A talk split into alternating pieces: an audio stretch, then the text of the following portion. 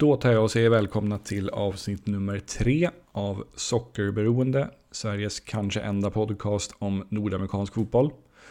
Jag heter Johan Dykhoff och i det här avsnittet blir det besök av en i fotbollssverige välbekant person, nämligen John Alvbåge. John Alvbåges koppling till nordamerikansk fotboll består av ett halvårslån i Minnesota United under 2017, vilket var klubbens första säsong i MLS.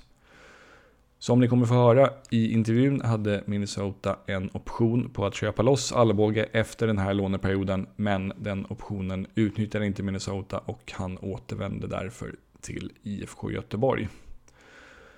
John var supertrevlig att prata med och mina intryck av honom från tidigare poddframträdanden och eh, även tv-inslag är att han är en väldigt pratglad och bjussig person och det visade sig stämma.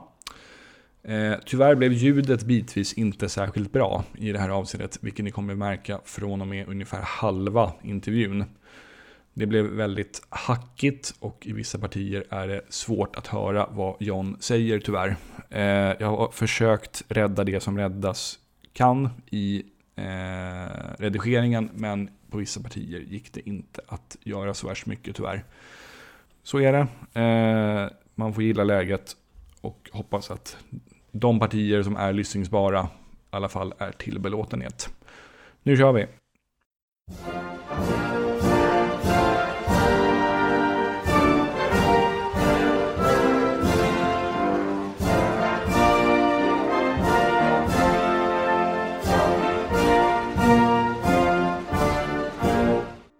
Till att börja med då, om vi går tillbaka till början av 2017 och innan din flytt till Eh, Minnesota blev klar. För de som har lite taskigt minne så där, kan du liksom beskriva var du befann dig i karriären då och varför det överhuvudtaget var aktuellt med ett klubbyte för dig då?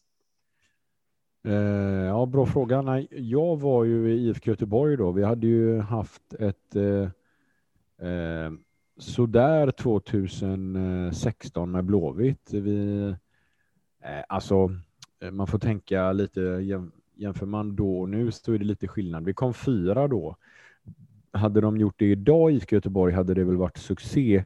Då var det ju eh, lite dåligt eller skandal. Det var ju bara SM-guld som gällde tyckte man ju. Och eh, fyra då eh, var ju inte riktigt det vi hade hoppats på. Så vi hoppades på att eh, 2017 verkligen skulle bli eh, eh, eh, mycket bättre än 16. Men man anade lite också, vi som var i truppen, att kommer vi lösa detta? Mm. För att vissa var på, på G bort och det var liksom just 2016 kanske var vad ska man säga? Eh, nej men, eh, man kände att eh, det var lite förändringens vindar på gång där med Mats Gren vid rodret och, och så vidare och så vidare. Så eh, eh, när den här möjligheten dök upp som en blixt från klar himmel så var det faktiskt för min del. Mm. Eh, då befann vi oss på Stenungsbaden som är liksom en Eh, Eh, konferens, eh, hotell konferensanläggning eh, i Stenungsund som är några mil utanför Göteborg för så här teambildning med laget. Och all fokus var ju på det såklart. Men så kom Mats Gren typ andra kvällen eller någonting när vi höll på där med teambildningen och satt och hade olika möten och så kom han och sa till mig att han hade blivit uppringd från Minnesota United i ja, en agent, norsk amerikansk agent där, Oskar Olsen heter han väl. Mm. Jag tror det var han som ringde och hade för Minnesotas räkning då eh, sagt att de var intresserade. Eh, och eh, för mig var det ju eh, oh, verkligen en blixt från klar himmel. Men min spontana reaktion var att inga problem. Vad är kontraktet? Jag skriver på och det var inte av den det var inte av den anledningen att jag eh, ville bort från Göteborg eller var trött där. Tvärtom, jag befann mig ju i min dröm, mina drömmars klubb egentligen sådär. Men det var just det att jag kände att eh, det här är det jag också har gått och drömt på liksom att komma verkligen utomlands. Jag hade varit i Danmark eh, innan och så vidare. Och jag kände bara att det här är ju på andra sidan Atlanten och som USA eh, nörd om man som man är lite när man är filmgeek eh, och eh, så älskar man ju allt med USA. Eh, så kände jag bara att det här passar ju mig klockrent. Eh, så eh, jag vill verkligen ta den här chansen.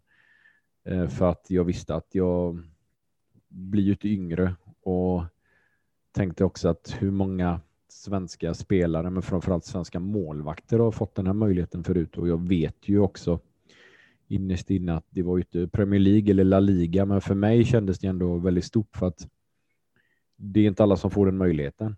MLS värvar ju spelare från hela världen. De har ju hela världen som eh, sitt fönster när de värvar, så att de är intresserade av mig kände jag bara, fan det här är... Det kändes stort och eh, det var once in a lifetime.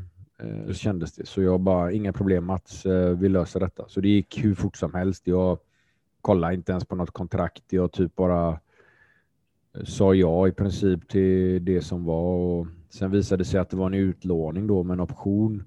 Just det. Eh, och det var inte heller det jag hade hoppats på, men i mitt huvud var det ju bara inga problem. Utlåning, låt mig bara komma dit så ska jag visa och så, så löser vi optionen eftersom. Liksom. I mitt huvud var det ju bara att herregud, det kommer ju gå hur bra som helst. Eh, så så var ju det hur det blev till och så vidare. Och, eh, ja, det, var, så det var då. Jag minns det var kanske var i januari någon, eller om det var i början av februari detta hände. Ja, jag, jag, gjorde lite forskning. Jag såg att Minnesota de bekräftade värvningen av dig den 28 januari. Så det bara varit i kanske början, ja, mitt, mitten, ja, början mitten på januari någonting. Och från att jag sa ja där, då, då gick det jäkligt fort. Ja. Då, var det, då gick det riktigt fort i alla fall. Mm. Eh, ja. Hur, bra, hur bra koll hade du liksom på eh, MLS om man tänker och liksom fotbollen i USA och eller Nordamerika generellt när du innan du drog över dit? Eh, pff, eh, hyfsad koll. Jag har ju generellt fått eh, en, alltså fotbollsnörd, fotbollsintresserad och hänger med liksom lite eh, överallt och just amerikansk, eh, alltså amerikanskt, amerikanska målvakter generellt har jag ju hyfsad koll på och vet att eh, det är eh, ett land som inte driver världsfotbollen framåt kanske, men just målvaktsmässigt så har de väldigt duktiga mycket såklart träningsprodukter, atleter där och eh, mycket. Du kan bli duktig på att bli på att vara målvakt genom att träna hårt och det vet amerikanerna hur man gör. Så jag visste att eh, där är det, det är bra skolning där och det finns många duktiga målvakter så att eh, vänder de sig till att plocka in europeer så ska det ändå vara av kvalitet och att de då som sagt ville ha mig kände jag ju. Det var ju kändes riktigt stort och eh, Uh, ja, men jag hade lite koll. Jag hade ju kompisar som hade lirat där innan, både Adam Johansson och Stefan Ishizaki och um, ja, lite sådana killar. Så um, hyfsad koll hade jag. så. Ja. Um, ni, var ju liksom ett, ni var ju ett så kallat expansionslag på den här tiden. Uh, alltså, det var ju första säsongen för Minnesota i MLS. Hur märktes det liksom för er spelare att det här var ett helt nytt sammanhang för såväl spelarna som klubben i övrigt? Oj, vad ska jag börja? Det märktes på alla plan. Uh, man ska veta det att uh, det är extremt stor skillnad på de här expansion-lagen sinsemellan och mm. allt skillnad mot de etablerade lagen och de här ja, nykomlingarna som de heter, expansion teams. Och uh, Det året var det Atlanta United, nej Atlanta... Jo, precis. United eh, hette de, och, eller heter de, och eh, Minnesota United som var nya lag. Och Atlanta hade ju byggt sin franchise och planerat den här eh, vad ska man säga, entrén till MLS under ja, en femårsperiod. Medan eh, Minnesota United hade fått platsen ganska sent för att mm. vara ett expansion team. Så de hade väl haft max, eh, vad jag förstod det, ett och ett halvt år eller någonting på sig att planera detta. Mm. Så eh, det här var ju väldigt oförberett, men en sån här chans att komma in till MLS, eh, det är inte så himla lätt egentligen. Det är många som står på kö, många lag som vill in och, eh, eller franchise är det ju mer, eller vad Mm. man kallar det, det är ju, det är ju liksom, det är ju Bolag, liksom. Ja. det är ju bolag, företag. Det är ju liksom inte en gammal förening. Det är liksom inte Åtvidaberg som kommer upp, utan det är ju, det är ju liksom, eh, det är ju, ja, som du säger, Ja, bolag. Miljardärer som vill bli ännu rikare, typ. Tack vare fotboll. Ja, men lite så är det ju. Ehm, Även om Minnesota United hade en historik med liksom en fanskara och Mm. klubben hade existerat, så på den här nivån hade ju klubben aldrig varit förut. Så de tog ju den här chansen och tänkte att ja, men vi får växa in i det. Vi får Mm. växa in i MLS-kostymen samtidigt som Atlan- Atlanta United kom in med en redan enorm kostym. Liksom. De hade ju sin Mercedes-Benz eh, Stadium klar som är den sjukaste arenan genom tiderna. Liksom. Skulle Real Madrid ha samma arena hade de ju varit nöjda. Liksom. Den är ju helt sinnessjuk, eh, Atlanta Uniteds arena. Och så kommer vi då inte ens ha en arena klar, så vi fick ju spela på eh, universitetslagets, alltså det amerikansk fotbollslagets un, universitetsarenan som var klassisk sån här gryta bara med massa stolar och så var det en konstgräsplan längst ner då i den här grytan. Tog illa typ 60 000 eller någonting. Mm. Ehm, så ehm, det, det var en jäkla skillnad och de hade ju en träningsanläggning för miljarder medan vi hade ju ingenting. Vi tränade ute i, ehm, ja, vad hette den? Eh, ja, vi, vi var i alla fall på eh, typ en idrottsanläggning. Eh, kanske Var, var det där uppe i, 50 Bla- i. Blaine, norr om stan? Nej, Blaine hade de en anläggning, men den var ju inte, den var inte redo och klar. Den Ah, höll okej. de ju på typ. Där hade de ju tränat och spelat sina matcher i Blaine. Mm. Men eh, när vi kom så skulle de ju börja. Ja, vi måste ha träningsanläggning. Ja, vi, vi, kan inte börja bygga, vi, kan inte börja bygga om Blaine än. Vi har inte ekonomin och vi vet inte om vi vill ha anläggningen där. Så vi börjar måla om lite typ kanske. Så det var ju det de gjorde och så ehm, hade de ju bara naturgräs där och i Minnesota på vintern är det ju alltså det är ju sjuka skillnader mellan vinter och sommar i Minnesota. Mm. Det är ju värre än i Sverige så det är ju en och en halv meter snö på vintern och minus och eh, 35 grader och sol liksom på sommaren. Och någon, någon vår och höst existerar knappt. Det går liksom direkt från vinter till sommar nästan i Mm. Minnesota. Central, centrala USA, eh, ganska norr upp om man ser på kartan. Så eh, det gick inte att vara i Blaine, så vi var i, eh, eh, ah, nu minns jag inte vad det heter, men strunt samma. Det var en 45-50 minuter från centrala Minneapolis där. Eh, och eh, det var ju bara en idrottsanläggning med en inomhushall konstgräs som var stenhård, riktigt usel konstgräs. Och eh, tränings, eh, om, alltså, omklädningsrum fanns ju knappt så vi bytte om vet jag. Det var ju hockeyanläggning eh, vägg i vägg så vi var ju något damhockey omklädningsrum. Vi fick damhockeylagets omklädningsrum och det var ju typ tre plusgrader i det omklädningsrummet.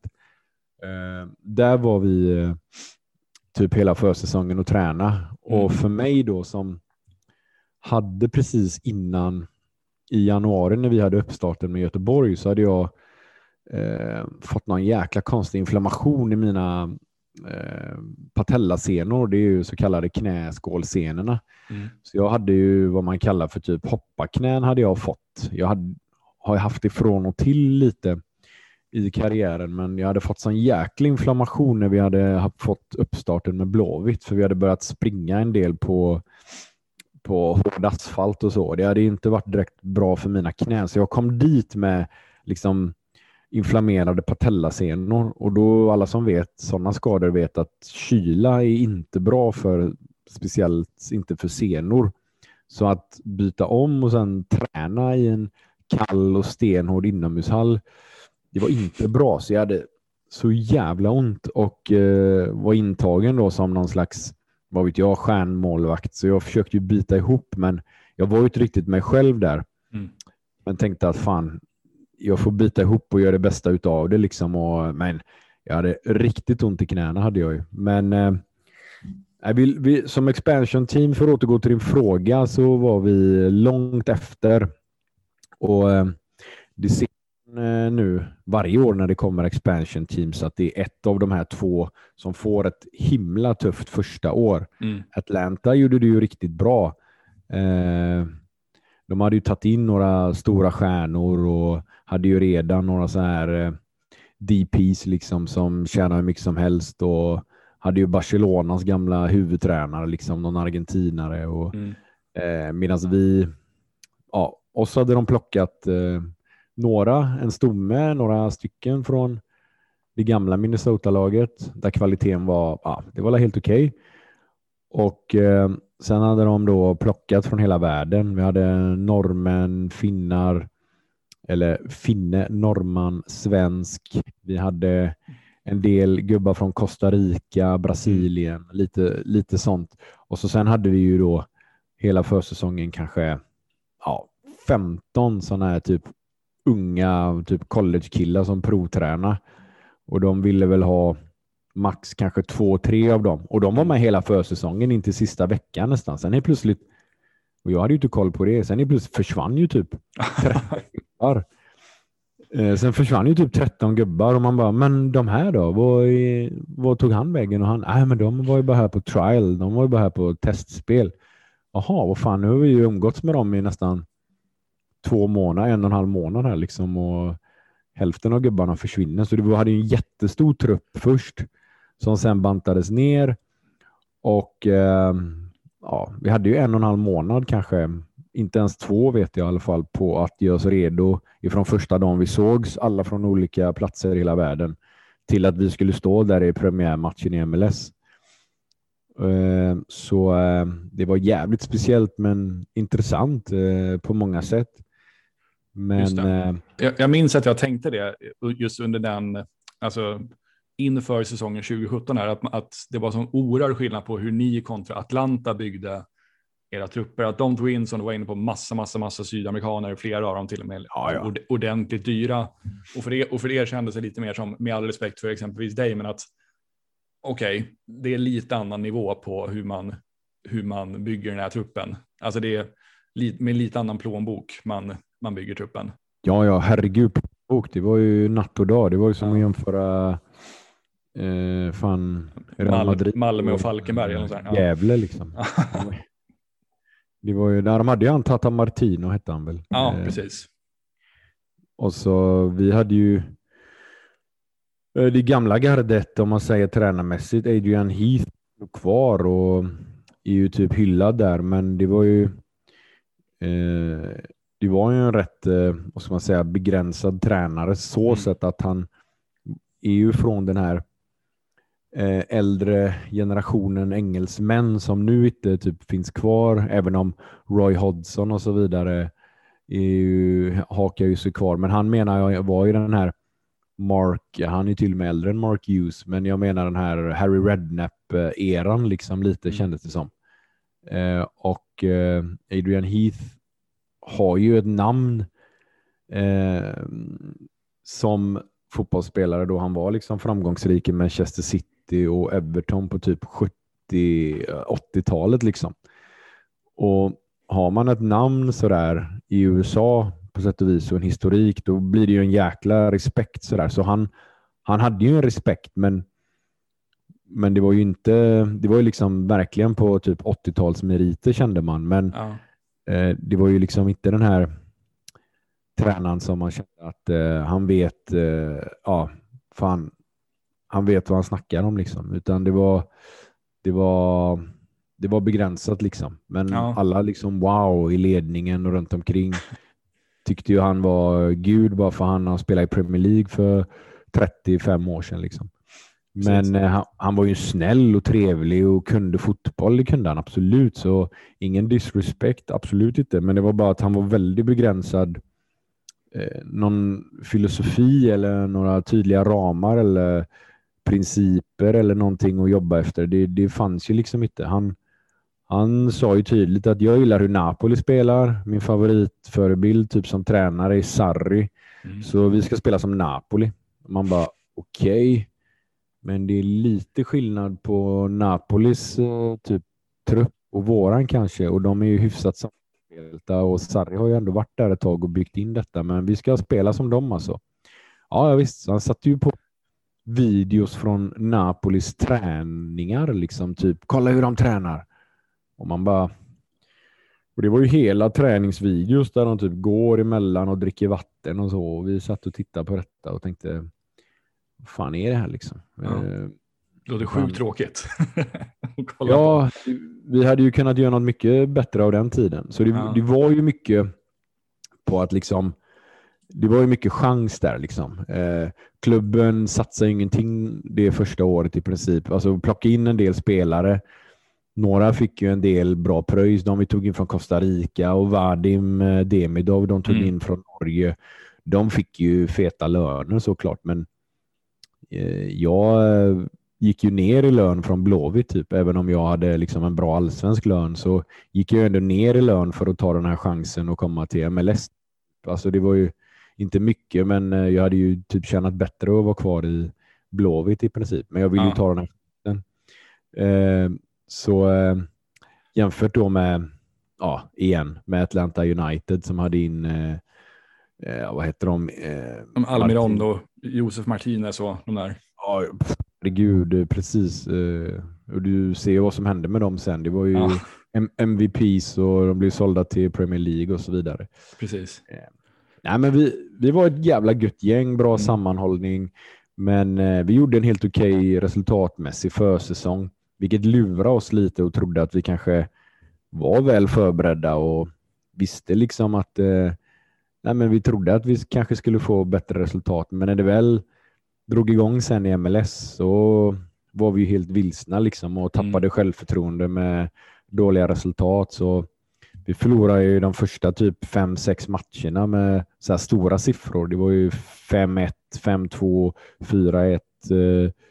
Eh, 6-1 eh, hemma, hemma mot Atlanta va?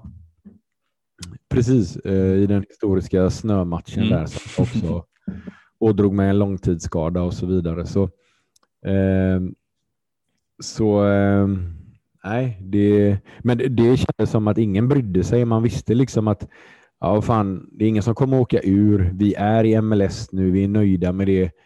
Vi tar den här smällen, så om två, tre år kommer vi nog börja satsa och börja ta in, du vet, ja, verkligen satsa. Arenan ska vara klar. När arenan är klar om typ tre år, någonting, då, då jäklar ska vi börja satsa. Och det är ju där Minnesota United är idag, om man säger. Mm, precis. Ju besöker man Minnesota United idag och tittar typ på deras lag och uppbyggnad och träningsanläggning som vi var inne på, det de har byggt upp nu i Blaine, det är ju liksom natt och dag jämfört med vi hade det.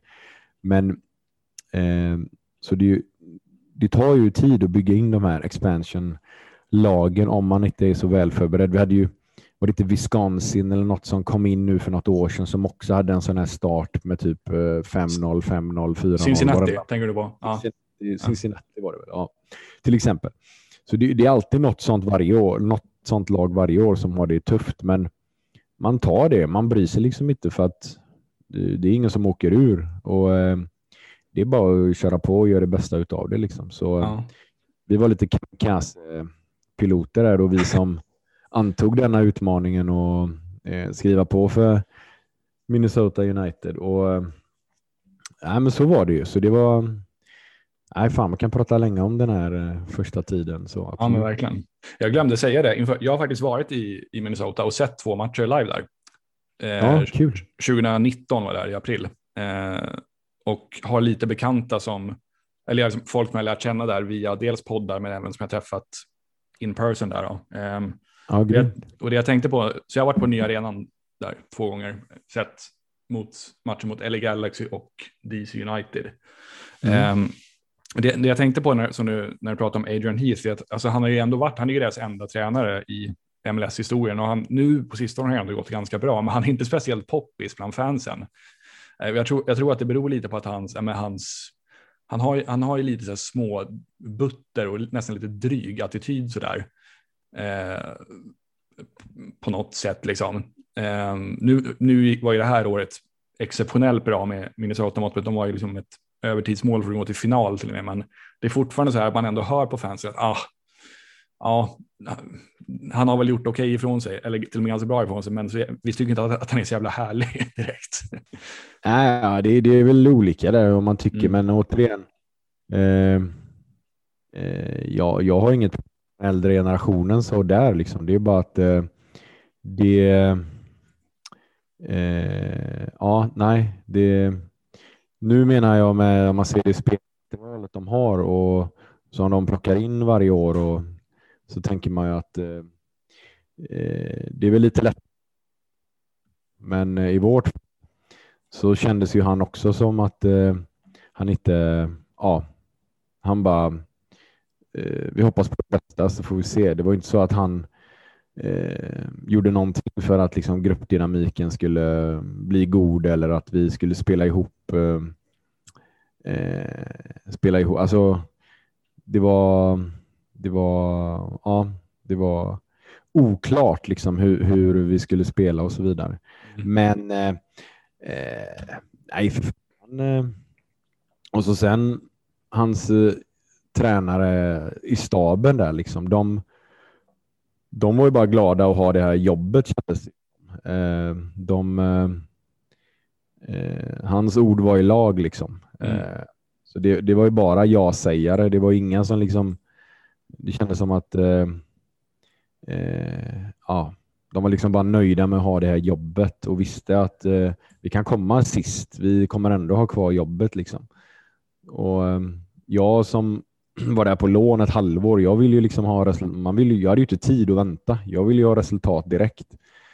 Men det gick ju bevisligen helt åt det andra hållet. Liksom, det blev ju, det blev ju fullt dåligt för mig i och med att jag bara spelade typ de två första ligamatcherna och släppte in typ eh, nio mål eller någonting mm. på de matcherna och eh, skadade mig och inte fick komma tillbaka sen, även när jag fick hoppa in borta mot Houston sen eh, när vi fick en skada på målvakten där. Så var det ju det var liksom bara tragikomiskt hur dålig min prestation och min insats blev. Det är ju någon slags rekord eh, historiskt eh, dåligt facit eh, jag har i MLS. Men eh, det, är inget, det är inget jag bryr mig om idag. Bara, för folk skulle bara veta liksom hur, eh, hur svår miljö det var som målvakt att prestera.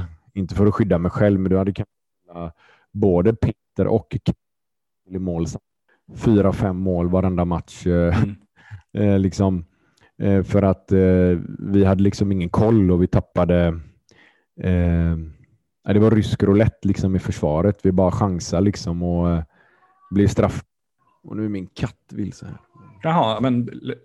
Ja, men det var, det var, det var jättelärorikt ja. utav, alla möjliga sätt och det är inget jag ångrar utan tvärtom. Jag hade ångrat mig om jag inte hade tagit den här chansen. Ja. Så, så jag, jag, har ju, jag är ju glad för den tiden jag fick och tacksam och glad för Minnesota United att de gav mig chansen och MLS.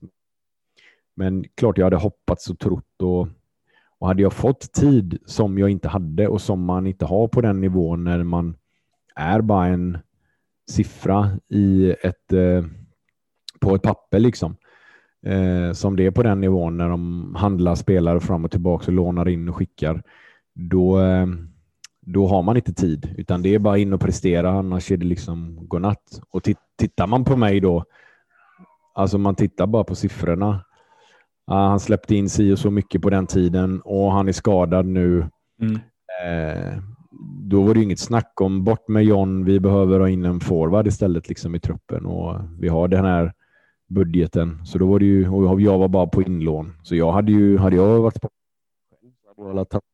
men eh, men eh, återigen, jag vet att jag hade kunnat bidra där om jag bara hade fått eh, ja, typ lite tid och hade jag fått de antal matcherna som den andra till exempel ehm, så hade man ju fått tid att komma in i det och skapat sig relationer med laget och lärt känna backlinjen och så vidare. Det, det fanns ju liksom inte där för min del, men så är det i proffsbranschen och jag är bara glad att jag har varit och nosat på proffsbranschen på så hög nivå och eh, eh, har de erfarenheterna idag. Liksom. Så mm. nej, för fan, det var jävligt rolig tid, men eh, eh ja, man önskar bara det hade gått bättre, men ja. så är det. Jag upplever det som, alltså när jag tar del av, när jag lyssnar på poddar och sånt, eh, att ditt anseende ändå är liksom rätt, rätt bra där. Och nu, nu, även om det liksom gick ganska knackigt sportsligt så verkar man uppfatta det som att ja, men, ja, det var inte så jävla lätt för dig, och, men, och, och du var en jävligt liksom här, härlig person verkar de ha tyckt. Alltså, men, och den som snarare får liksom bära hundhuvudet för de där tunga första matcherna är ju han som du nämnde tidigare, Demidov. Han, man, han har ju nästan blivit som ett skämt där borta. Även det, det var ju såklart inte hans fel att laget släppte in vad det nu var, 20 mål på första fyra matcherna, men han har väl blivit lite grann, vad säger man, scapegoat för den här liksom, parodiskt tunga inledningen. Ja, nej men nej, först och främst gjorde vi, vi gjorde ju det tillsammans, ledare och ledning framför allt och spelare. Så var det ju. Eh, I Vadims fall var det ju det att han var ju liksom intagen som, eh, ja, vi hade ju ingen deep i, alltså någon typ back. De kunde ge en grym lön utanför lönetaket så var det ju inte, men han var ju kanske den närmaste och där liksom spelat i La Liga och, och så vidare och så vidare. Mm. Och var liksom generalen i försvaret. Så, och så blev det som det blev. Så, eh, men återigen, det var ju inte hans fel. Det var Nej. ju generellt liksom att de eh, ja, vi fick inte det att stämma. Eh, sen så ser det som så att första matchen borta mot eh, eh, Portland som vi har i premiären, då, alltså det är ett bra Portland. De har mm. riktigt många duktiga spelare och är en extremt etablerad eh, plan i första matchen och vi har ju det står tror jag 2-1 fram till vi är inne i 80 minuten ja. och så sen, sen rann det på lite i slutet. De får någon straff och så vidare. Eh, och gör typ den här, om det var 4-1 eller 5-1 typ på i 93 liksom. Så helt mm. plötsligt så bara kände jag ändå när vi kom upp mot 80 och jag hade ändå gjort det helt okej. Okay, så kände jag ändå att fan 2-1 borta här nu för starten. Det är fan kan vi hålla detta så det är helt okej. Okay och så får de någon straff, 3-1 och så sen typ på övertid kom fyran och femman och så man bara helvete, vad fan hände? fan vad fort det svängde. Alltså då hade man liksom haft en, ja men det hade varit, Minnesota gjorde en helt okej okay insats och eh, det var liksom ett starkt nykomlingslag. Det, så hade ju snacket varit. Nu blev det 5-1 i premiären, shit. Och där blev vi lite stukade. Och så kom den här klassiska eller historiska i Minnesota Uniteds eh, eh, MLS-historik. Den första matchen eh, på hemmaplan i MLS, den var ju uppskriven som satan den här matchen, för det var den första. Den var historiskt och det var på den här arenan. Det var ju slutsålt typ. Det var ju upp mot nästan 60 000 ute i typ minusgrader och eh, en meter snö. Eh, den här skulle gå, de har en fredagsmatch tror jag varje vecka som går på ESPN eller vad det är. Eh, och denna skulle vara den här ESPN-matchen. Eh, annars har man, jag har hört nu i efterhand att den skulle ju givetvis ställts in annars om det var bara en, du vet, Alltså om, om, om, omgång 19, random match. Liksom. Exakt, ja. exakt. Men detta var liksom första matchen. Det var liksom klart. Eh, ESPN skulle sända och så är det fan två meter snö. Nu överdrev jag, men det var lätt över en meter snö. Och snöstorm. Och då, ja, den hade ställts in överallt annars, men nej, vi ska spela. Så fram till eh, fram till typ sista sekunden innan matchen börjar så kör ju det liksom traktor över plan och skottar liksom. Eh, ändå blir ju när vi drar igång sen helt kritvit. Så du ser ju typ inga linjer. De fick ju stoppa någon gång tror jag och liksom bara skotta fram linjerna. Så kom ju folk ut med skyfflar och, och skotta fram eh, straffområdeslinjerna och mittlinjen liksom. Så spelade vi med någon orange boll som typ var fan som betong liksom. Um, så eh, ja, men vi, vi mosade ju på där och uh, mötte ju ett uh, jävligt framförallt offensivt med eh, Martinez och vad heter han som gick till Newcastle där? Almiron. Ja, Miguel Almiron, eh, Mm. precis. eh, Alltså, jag, jag visste ju inte hur bra de var, men eh, de var ju grymt duktiga liksom. Ja. De pricksköt ju, de smaskar ju in bollarna med i otroligt skickliga i avslutningsfaserna. De satte ju bollarna.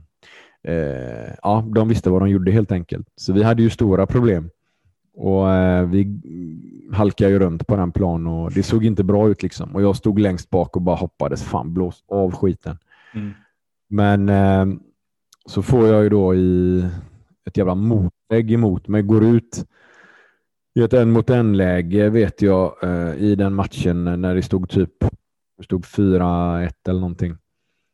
Eh, och då har vi en övertänd nyinsatt mittback där som bara, jag har sett bilder i efterhand, så stillbilder, att han verkligen slänger sig sån här klassisk eh, African Nations med raka ben typ en halv meter ovanför eh, gräset och eh, ska försöka täcka det här skottet då. Mm. Eh, och eh, i och med att det är liksom is och snö så får inte han stopp. Så han fortsätter ju rakt in i mig med sträckt ben med sina bakdubbar rätt in i mitt knä. Jag kommer ju ut och står lågt för att ha ett närskott liksom. Så jag har ju typ mina knän nere vid, vid marken i princip. Så han flyger ju in med sina bakdubbar rätt i. Eh, så det blir ju det blir ju två hål av hans bakdubbar. Det blir fyra hål blev det, men två djupa hål av hans bakdubbar. Jag har ju fortfarande kvar typ R på knät av de här dubbarna. Och det, gör- det gör ju så jävla ont, för det är ju ren kollision rätt in i ben, om man säger. Det är ju som du sparkar i smalbenet i en, eh, liksom i en svinont första tiden, så går det över sen. Och det var ju samma här, det gjorde ju så jävla ont och så var det så jävla kallt. Och det gick åt helvete i matchen, så allt var ju bara... Men det gjorde så extremt ont och så tittar jag ner på knät så har jag ju in. Jag ser ju ned, jag ser ju bara, det kommer inget blod för det är så kallt och det är ju runt knät där det inte är så mycket, ja, det är ju ganska tunt. Eh, eh det är ju inte så mycket kött runt knät liksom. Så då, jag ser ju ner till benet, det är ju helt vitt. Och jag bara, eh, jag ser ju liksom min knäskål igenom de här hålen och bara, vad i vad smäll.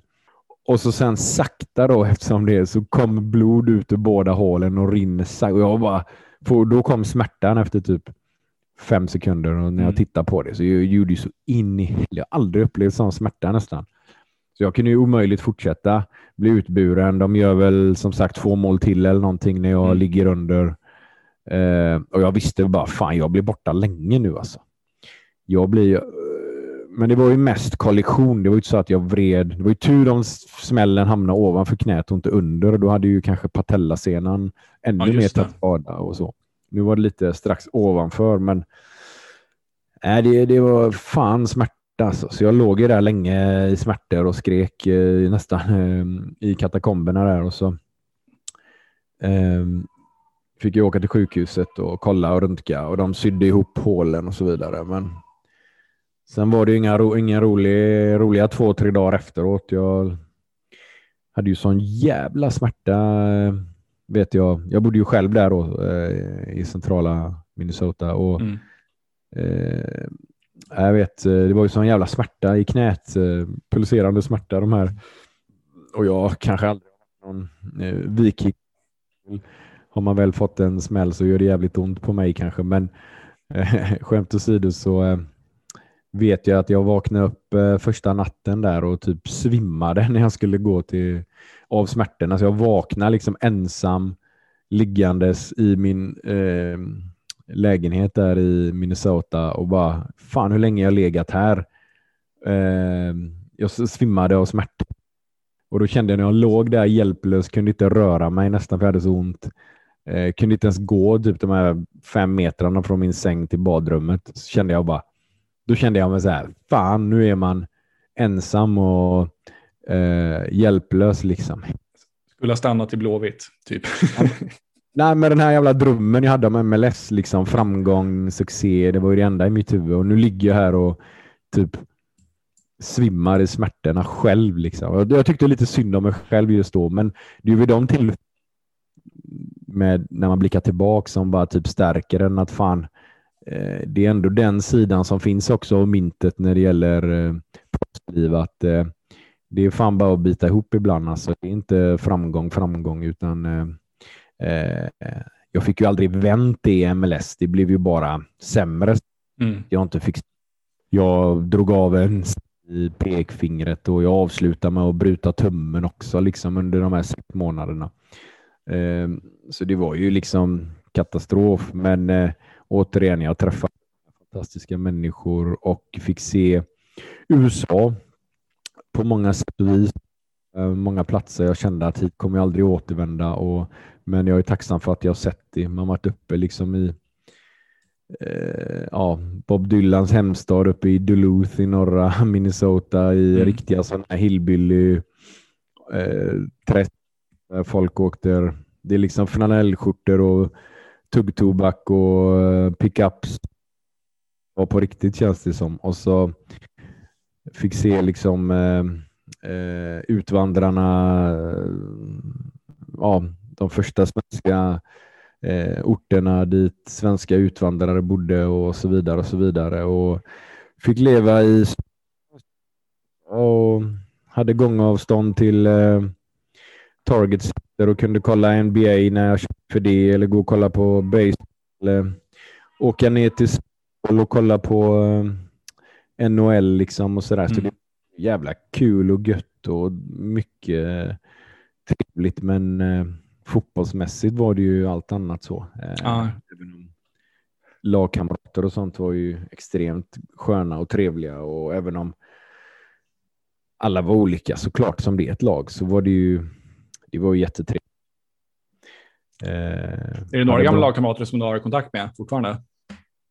Ja, Mohammed ja, just det, klart. Mm. Han kom in på, han blev tradad där och kom in mitt i allt. Eh, Eh, nej, men Rast gick till Djurgården där. Vi skriver till varandra ibland för skojs skull. Vadim och jag pratade förra året lite grann, eh, skrev han till varandra. Han är ju agent nu och spelade även i Stabäck där jag gick efter. Eh, ja, han avslutade sin Jag var ju Stabäck ett halvår efter just eh, eh Minnesota. Så eh, han har jag snackat med lite grann. Sen har jag lite vänner utanför som jag träffar utanför fotbollen där som jag har kontakt med en del. Eh, så jag träffade lite vänner där gjorde jag. Sen eh, Marius norsk målvaktstränare hade jag. Han var jätteskicklig med stort passion målvaktsspelet och det vilket jag själv har också. Så vi har lite kontakt sådär och eh, det är lite folk där. Eh. Men det var, det var riktigt goa, eh, ja, goa personligheter och träffa eh, och var väldigt många duktiga spelare också. Även om vi inte fick resultat så hade vi individuellt många väldigt jätteduktiga spelare. Ja. Mm. Ja. Christian Ramirez är en sån personlig favorit. Jag tycker det är synd att han, han, han blev tradad bort från Minnesota när mm. de tog in en tycker jag, helt jävla oduglig colombiansk designated player-anfallare. Det måste vara året mm. efter du var där. Mm, så det stämmer, då lämnade han ju. Just för LFC han... och sen Houston. Ja, nej, han... Eh, det var ju lite drömmen för han att komma till LA och få spela. Men han hade ju historiken att vara kanske den mest uppskattade spelaren i Minnesota Uniteds historia och gjorde första målet i MLS. Han var en mm. riktig måltjuv. Väldigt duktig avslutare var han ju. Eh, han visste ju vad han kunde och han gjorde det. Han var inte så snabb, men han var inte långsam. Han var inte stark, men han var inte svag. Eh, han var smart och visste att jag ska vara i boxen. Där, där är jag bra. Och mm. Det är ju en härlig egenskap. Han var en jävla spets och gjorde, gjorde väldigt mycket nytta. Så som du säger, de eh, sålde han om man säger eller släppte han till Eh, LAFC då var ju inte omtyckt i och med att han tyckte eh, Eh, så sett. Och, eh, eh, men eh, nej, han fick ju inte kanske heller... Han fick ju chansen mycket av coach såklart, men han eh, var ju inte heller kanske i den som eh, coach. Eftersom att eh, det var ju mer när det gick åt helvete i starten. Och vilka har vi mer att sätta in? Ja, vi har ju Rami, Christian Ramirez då. Ja, vi får väl slänga in han då. Vi har testat alla spelare redan. Så var ju lite känslan. Det vill säga, han var ju inte första valet, men sen kom han in och började producera och då kunde de inte ha han utanför. Men direkt de fick in eh, någon ny forward, liksom, då fick ju han sätta sig på bänken igen. Så ja, för, precis. Så för Ramires egna del förstår jag att han lämnar, men jag kan ju förstå att fans inte tyckte om det i och med att var en sån, eh, hade den historiken och var så omtyckt och gav allt i allt för klubben och så vidare. Och ja. var, väl, var väl en av få som hade lite hjärta och historia i och med att han bara hade varit med i de lägre divisionerna och, och så vidare. Så, Precis. Ja, nej, men han killarna så eh, verkligen, verkligen. Mm. Och det, det, är inte direkt så att någon av de andra som har liksom, så att säga, ersatt honom har varit strålande heller. Så jag, jag, kan förstå att fansen känner så. Det slog mig också när du pratade om eh, liksom dina skadeproblem så att Minnesota de har haft en jävligt liksom, stökig målvaktssituation under egentligen hela sin MLS-historia. Först var ju du där och med dina skador och, och då tog Bobby Shuttleworth över. Och han stod väl i ja, 2017 och 2018, men då tyckte man nog inte att han riktigt höll, så då lånade man in han Vito Manone, han italienaren som är gammal Arsenal-juni, så han var ju skitbra. Och blev så här goalkeeper av det och honom ville de köpa loss till 2020, men han ville ha så gräsligt högt betalt tydligen. Mm. Så det gick inte, så då fick de istället ta in en som heter Tyler Miller från LFC. Mm. Och han stod typ de första matcherna 2020, men sen blev han skadad och fick operera sig och missa resten av säsongen. Nu har de en ganska ung kanadensare mål som i och för sig är ganska bra, men lite oprövad ja. sådär. Så det har, liksom, det har varit en jäkla rullians på just målvaktsposten för dem. Mm.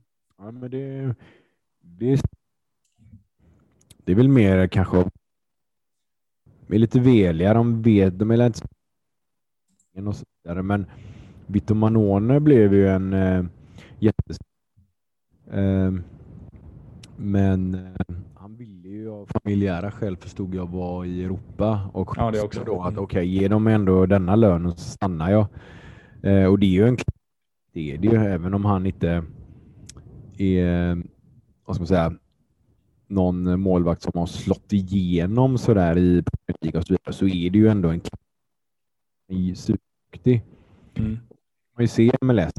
Eh, det intressanta med mina ögon sett är ju att han valde bort då och gick till Esbjerg ja.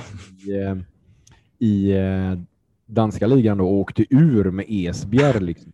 Eh, det är ju ett intressant klubbval kan jag tycka då. Var liksom bästa målvakten i MLS och då ska man säga det att det är jättemånga duktiga just på målvaktssidorna i de flesta föreningar är det väldigt, väldigt duktiga målvakter.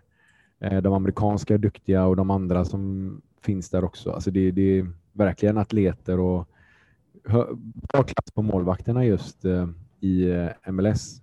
Mm. Uh, så med, med, det sagt så eh, var det ändå förvånande att han gick till Esbjerg. Liksom. Det kändes ja, men verkligen. fanns nu, det inget annat. Liksom. Nu är han i Monaco, tror jag. Ja, det är ju lite skillnad. Men, ja, verkligen. Där ser man ju att han kan ändå gå till Monaco. Just att ja, på grund av att eh, han är duktig liksom. Mm. du förstår. Ja. Exakt.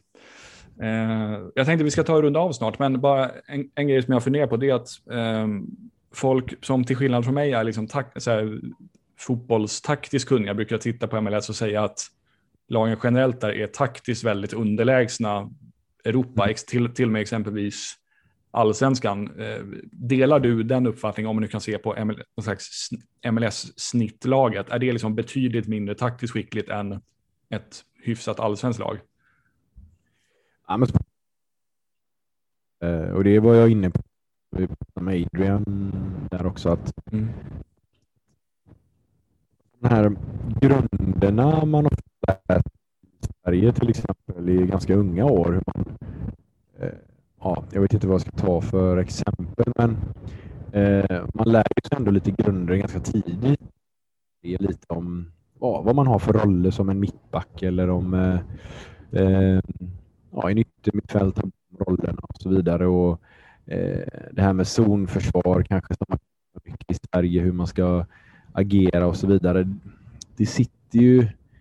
Alltså, ja, man jobbar ju från det taktiska liksom. Men det är ju väldigt mycket annorlunda tyckte jag då från USA. Att det var mycket mer individuellt. Eh, alla spelarna var generellt inte alla spelare, men generellt var ju alla lite bättre kanske individuellt.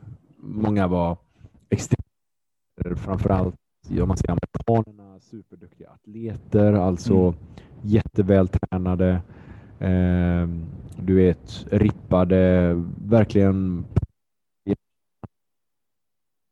Det, det var ju många som var så här average Joes, alltså när det gällde fotbollskunskap egentligen, men de hade kommit upp till MLS genom hårt jobb och det är ju så amerikanerna kände jag när man bodde där generellt var att uh, I'm the best world liksom. Kunde de bara stå framför spegeln och säga till sig själv hundra gånger dagligen och så blev de typ- det är ju lite så om den the American dream är liksom alla kan lyckas. Det är ju så de bygger sitt tro på sig själva. Det är ju alla var supertrevliga, jättebemötande, väluppfostrade. Om man nu snackar amerikanerna. För atleter.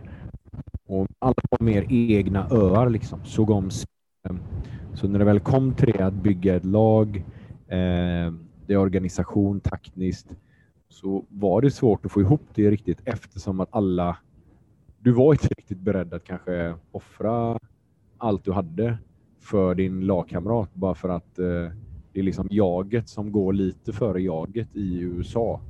Så det taktiska, där ligger de efter samtidigt som individuellt så är det så många, många duktiga spelare där. Eh, sen är det ju såklart en skillnad mot toppspelarna i alla lag där jämfört med de lägst rankade spelarna. För det är ju liksom en college-kille som knappt lirat liksom bara, bara några år. Liksom. Han kan han ju plocka in bara för att fylla ut truppen. Mm. Och det kan vara en extremt oskolad kille liksom, som inte ens vet hur du fan, eh, ska, eh, ja, vad vet jag, vet inte ens hur du ska markera liksom, eller mm. hur du försvarar på ett väggspel eller någonting. Liksom. Utan de är som, eh, ja, de bara jagar boll liksom. jämfört med de här toppspelarna som kan ha, de kan plocka in som har lirat i brasilianska ligan i, i eller mexikanska ligan i tio år eller ja, lirat i Premier League eller vad vet jag. Alltså toppspelare i, i mm. andra ligor är ju de högst rankade. Så det är en stor skillnad på bäst och sämst om man ser i, i, eh, i trupperna och så vidare. Så ja, svar ja, taktiskt. Mycket mindre kvalitet än här, men individuellt generellt eh, finns det ju höga toppar. Man ser ju insatser som görs där är ju extremt höga ibland individuellt. Liksom. Mm. Om, om du var tvungen att gissa, hur, hur tror du att, låt säga Atlanta årgång 2017, hur tror du de hade placerat sig i allsvenskan? Ja, bra fråga. 2017, ja, det var ju då de var som bäst. De vann till och med MLS. Ja, de vann året därpå. Men om, om man tänker liksom, ungefär den perioden då, 17-18, det Atlanta-laget. Hade de vunnit allsvenskan tror du? Ja, det hade varit ett topplag. Vunnit allsvenskan och vilka vann 17-18? Var det Malmö eller något? Eller vad fan var det? Jag kommer inte ihåg. Men... Ska vi se, 18 vann väl AIK? Gjorde de inte det? Ja, men det har alla glömt tror jag. Nej, jag Ja, men de, de hade ett eh, topplag i alla fall. Där, om vi snackar AIK där, extremt taktiskt lag då med mm. Norling där och så vidare. Eh, jämfört med ja, Atlanta vann ju på, de hade ju viss taktik med den tränaren som bevisligen var duktig, men eh, de hade ju sådana duktiga offensiva spelare. Så eh, Martinez där tror jag ingen hade kunnat stoppa i allsvenskan. Och, han hade gjort en del mål mot Falkenberg, känns det som. Otroligt duktig spelare. Mm. med honom tror jag, jag ska inte säga att luften gått ur, han var ju skad, långtidsskadad och fortfarande kämpar om att komma tillbaks, men jag tror som sydamerikan eh, på det sättet så var det ju han skulle alltså han gjorde sån enorm succé. Alltså han blev ju fan eh, han blev ju det var ju popstjärnestatus på honom i MLS. Liksom. Mm. Alltså, så jävla stor blev han och fick ju något superkontrakt och så vidare. Sen känns det som, hur ska han toppa det liksom? Så det har ju varit svårt för han efter det här MLS-guldet och eller titeln och allting att kunna motsvara det. Så han känns ju lite mätt och lite nöjd nu, även om han fortfarande är... Men när han pikade där som sagt 2018 och så vidare och de vann. Det finns ju ingen i Allsvenskan med de kvaliteterna.